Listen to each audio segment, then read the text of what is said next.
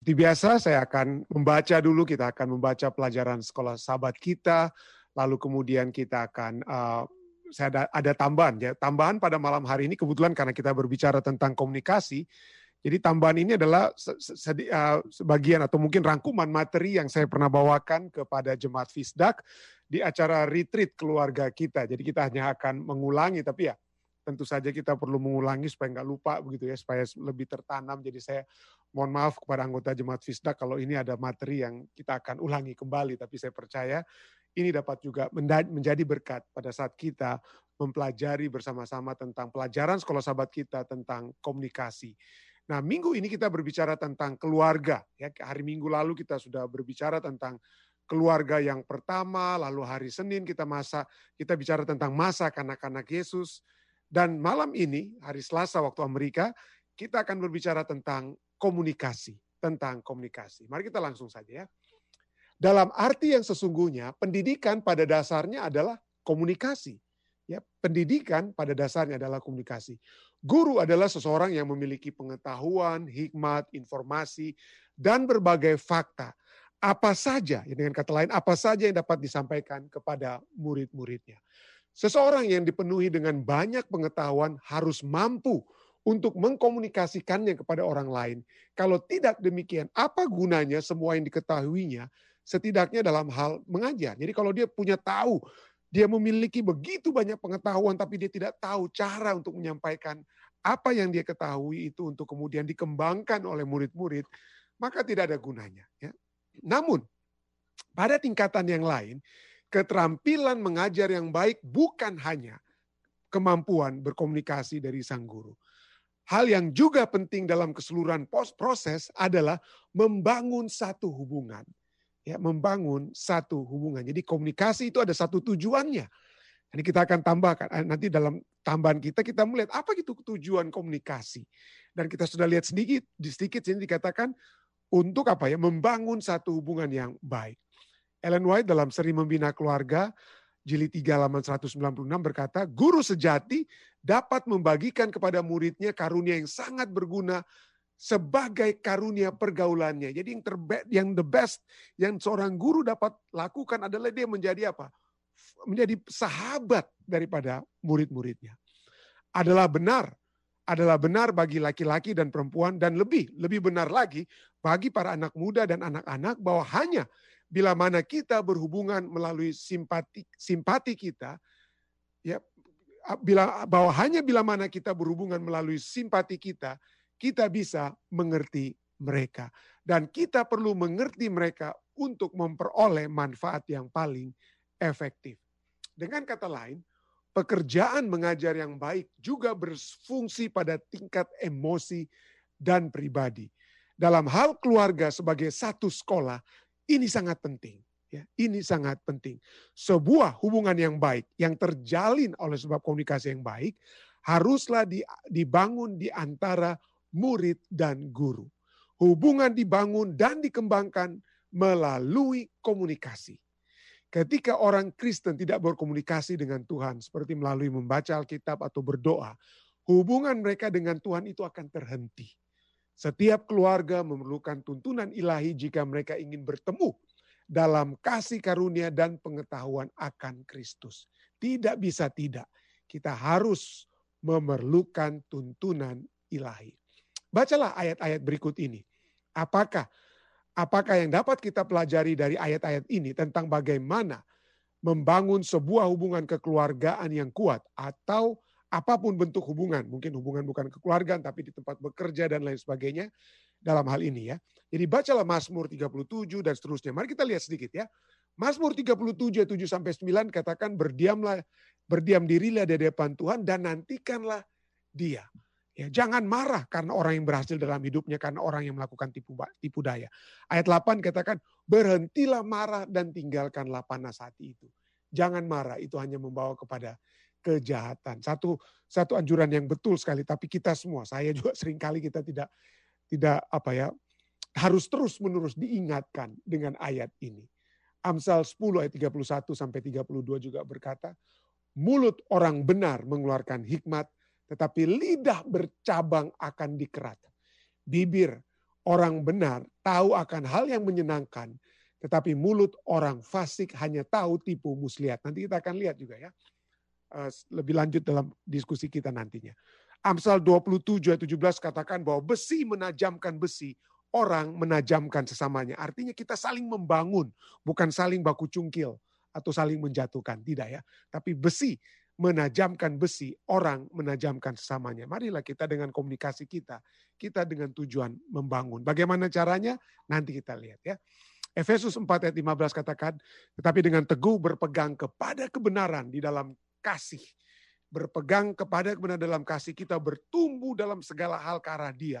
Ke arah Kristus yang adalah kepala, yang adalah kepala. 1 Yohanes 3 18 dikatakan, anak-anakku marilah kita mengasihi bukan dengan perkataan atau dengan lidah, tetapi dengan perbuatan dan dalam kebenaran. Dan Titus 3 ayat 1 sampai 2 juga mengamarkan kita untuk jangan berkata-kata dengan isi perkataan yang isi dengan apa ya? Fitnah. Ya, dengan fitnah. Tapi juga pada saat kita berbicara, baiklah cara kita berbicara juga itu benar ya. Itu dengan apa? Selalu ramah dan bersikap lemah lembut terhadap semua orang. Yakobus 4 ayat 11 katakan saudara-saudaraku janganlah kamu saling memfitnah ya. Jangan menghakimi ya.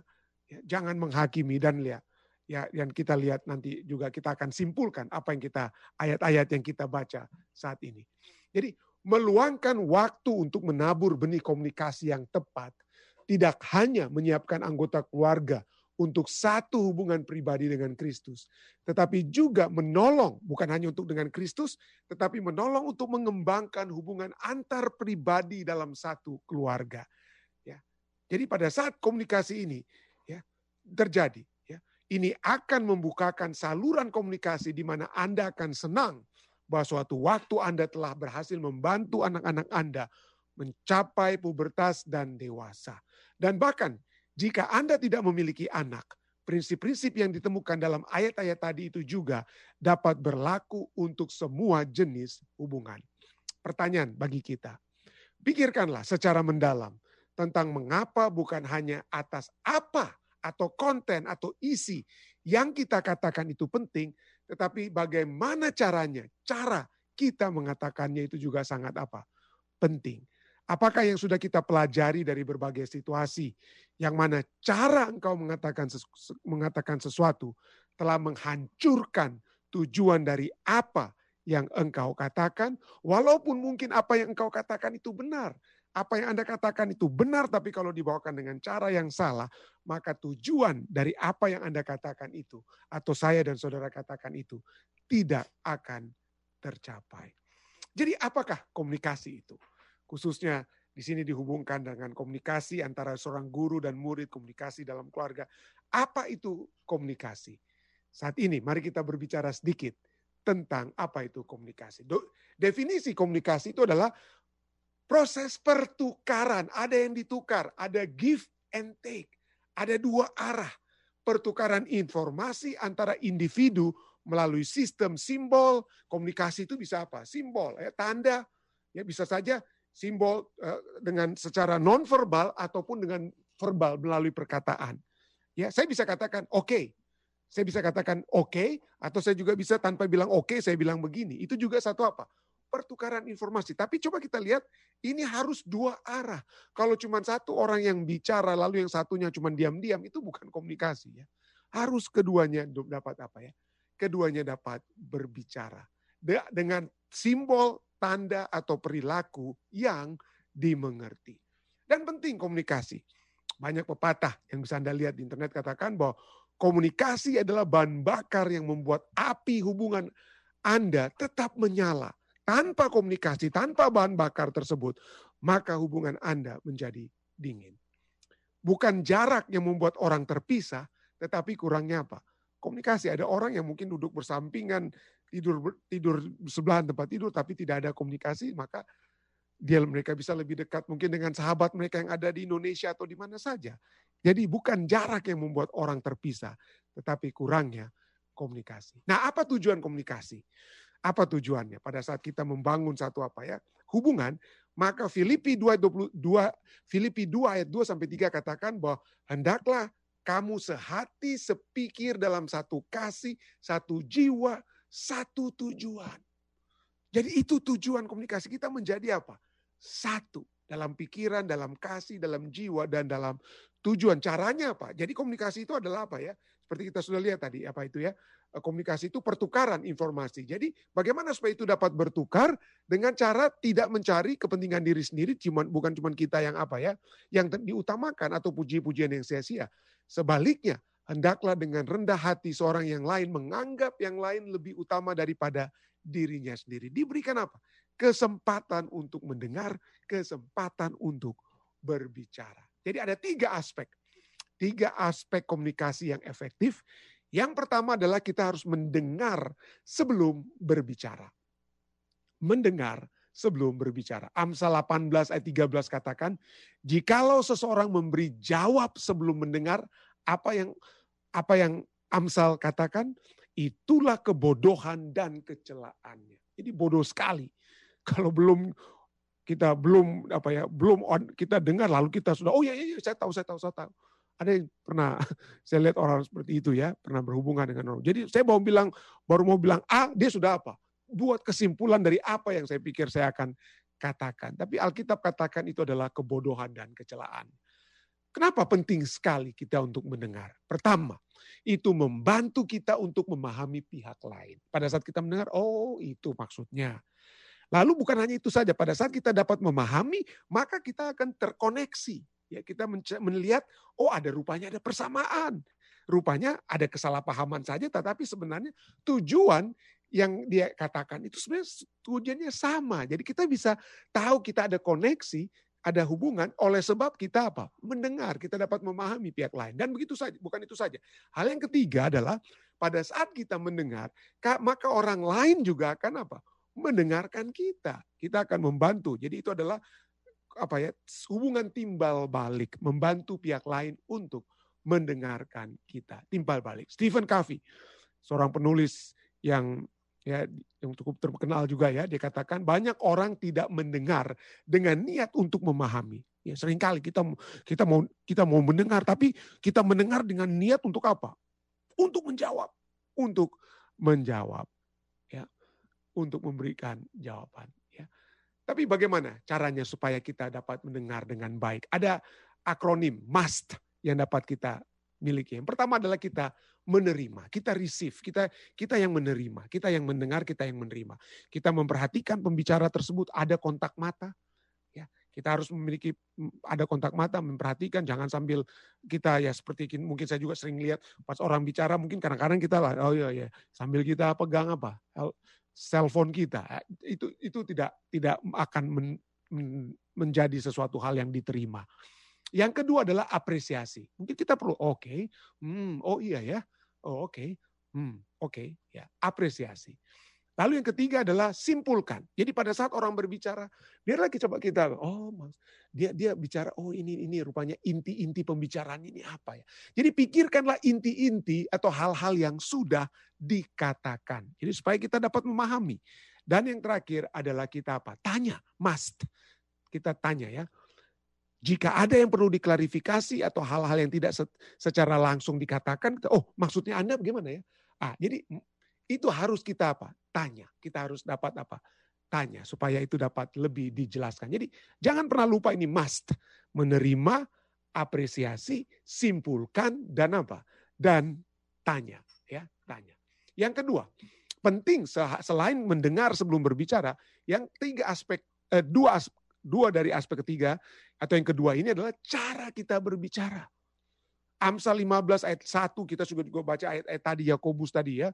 Jangan sampai marah-marah tapi tapi di sini Amsal 15 ayat 1 katakan jawaban yang lemah lembut meredakan kegeraman. Tetapi perkataan yang pedas membangkitkan marah. Cara kita berbicara itu apa ya? Penting. Jadi ya uh, seperti kita sudah lihat ya, yang pelajaran-pelajaran kita lalu. Jadi sebelum kita berbicara, kita harus mendengar, Sebelum kita mengeluarkan kata-kata, mungkin kita berpikir. Sebelum kita berbicara, mungkin kita hitung 1 sampai 10. Nah, itu teorinya yang kita semua harus kita semua harus praktekkan ya. Jadi mari kita lihat. Mari kita terus memperhatikan cara kita berbicara. Kenapa? Karena kalau kita tidak memiliki cara yang benar, maka tujuan apa yang kita katakan itu tidak akan tercapai. Dan yang ketiga yang juga penting, yang terpenting juga adalah yang ketiga dari tiga aspek effective communication adalah apa isi atau konten yang kita bicarakan. Jadi apa yang kita mau katakan? Amsal 16 ayat 24, perkataan yang menyenangkan, isi-isi yang menyenangkan adalah seperti sarang madu, manis bagi hati dan obat bagi tulang-tulang. Jadi ada ada berbagai hal yang harus kita apa ya membuat yang menyenangkan. Alkitab juga katakan hati yang gembira menguatkan apa? Tulang. Jadi ada perkataan-perkataan atau isi-isi pembicaraan yang membuat orang membangkitkan ya saling menajamkan satu dengan lain seperti ayat-ayat yang kita sudah baca tadi saling membangun apakah perkataan ataupun yang saya katakan itu membangun ya itu itu menjadi satu pertanyaan saya percaya bagi kita semua. Apakah itu menjadi satu yang membangun? Apa yang harus kita hindarkan? Kita harus menghindarkan gosip kita harus menghindarkan untuk menghakimi tanpa mendengar kita harus menghindarkan negativity atau negatif kita harus menghindarkan mengeluh. Kenapa? Karena stres kita mau dengar-dengar orang-orang yang negatif, yang menghakimi, yang mengeluh, atau yang mencari-cari alasan, atau yang membesar-besarkan, atau yang berdusta juga. Exaggeration itu dia tambah-tambahkan ya. Lalu dusta itu bukan lagi yang dia tambahkan, tapi yang tidak ada jadi ada. Ya, jadi inilah tujuh tujuh apa ya hal yang harus yang tidak akan memberikan kesenangan orang bergosip anda pikir wah enak yang yang pikir mendengarkan tapi kalau kita sedang bergosip orang lain kita bicara tentang orang lain kalau saya mendengarkan orang yang bergosip, kadang-kadang saya pikir, wah kalau dia sanggup berbicara tentang hal hal tersebut tentang orang lain, tentunya dia juga sanggup berbicara hal yang sama tentang saya. Jadi saya akan stres mau mendengarkan seperti itu. Tapi inilah artinya kita semua harus berusaha dengan pertolongan surga menghindarkan ketujuh, menghindarkan ketujuh hal ini.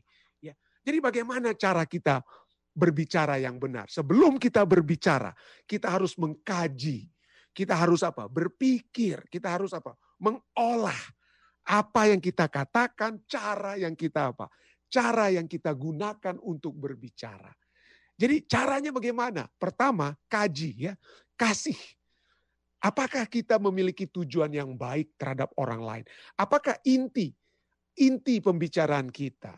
Ya, apa yang kita bicarakan itu tujuannya baik?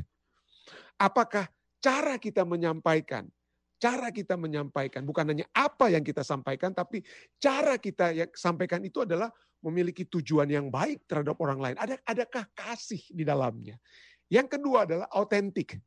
Adakah kita menjadi diri kita sendiri? Artinya sejujur apa ya bukan jujur dalam arti kita menjadi otentik menjadi diri sendiri sendiri tidak tidak ber, berdrama tidak apa ya membesar besarkan ya tidak membesar-besarkan. Jadi ini berbicara tentang cara kita berbicara dan apa yang kita bicarakan itu apakah itu otentik, apakah itu jujur. Kita jujur dalam apa yang kita katakan. Jadi kita usahakan selalu. Dan yang terakhir adalah integritas. Integritas bahwa kita bukan hanya kita menyatakan apa yang benar, bukan hanya sebatas perkataan, tetapi seperti kita sudah baca ayat-ayat tadi juga perbuatan kita. Integritas itu berhubungan dengan apa yang benar yang kita katakan dan benar dengan apa yang kita lakukan. Itulah integritas. Jadi pada saat kita berbicara, apa yang kita bicarakan, cara yang kita bicarakan harus kita kaji. Harus kita kaji dalam bahasa Indonesia. Ya. Kasih, autentik, jujur, dan memiliki integritas. Amsal 20 ayat 15 berkata, sekalipun ada emas dan permata banyak, tetapi yang paling berharga ialah bibir yang berpengetahuan. Sekalipun ada emas dan permata banyak, tapi yang paling berharga adalah apa? Bibir yang berpengetahuan. Marilah kita dengan kuat kuasa dari surga. Saya percaya tidak ada yang sempurna di antara kita. Kita semua masih ber working progress. Tetap berusaha untuk dapat lebih baik dari waktu ke waktu. Tapi marilah kita terus-menerus minta bantuan surga agar kita mengetahui cara yang terbaik dalam berkomunikasi agar supaya tujuan tujuan kesatuan ya dengan Tuhan dan dengan sesama itu dapat terjadi dengan cara apa? Mendengarkan, memiliki cara berbicara yang baik dan memiliki apa yang kita bicarakan itu adalah sesuatu yang membangun satu dengan yang lain. inilah yang dapat saya uh, bagikan pada saat ini. Sekali lagi terima kasih saudara-saudari sekalian yang sudah bergabung dengan kami di Jemaat Fisdak. Sampai kita bertemu lagi di waktu yang sama besok malam waktu Amerika. Selamat pagi waktu Indonesia. Tuhan memberkati kita semua. Stay safe dan stay healthy. Tuhan memberkati kita semua.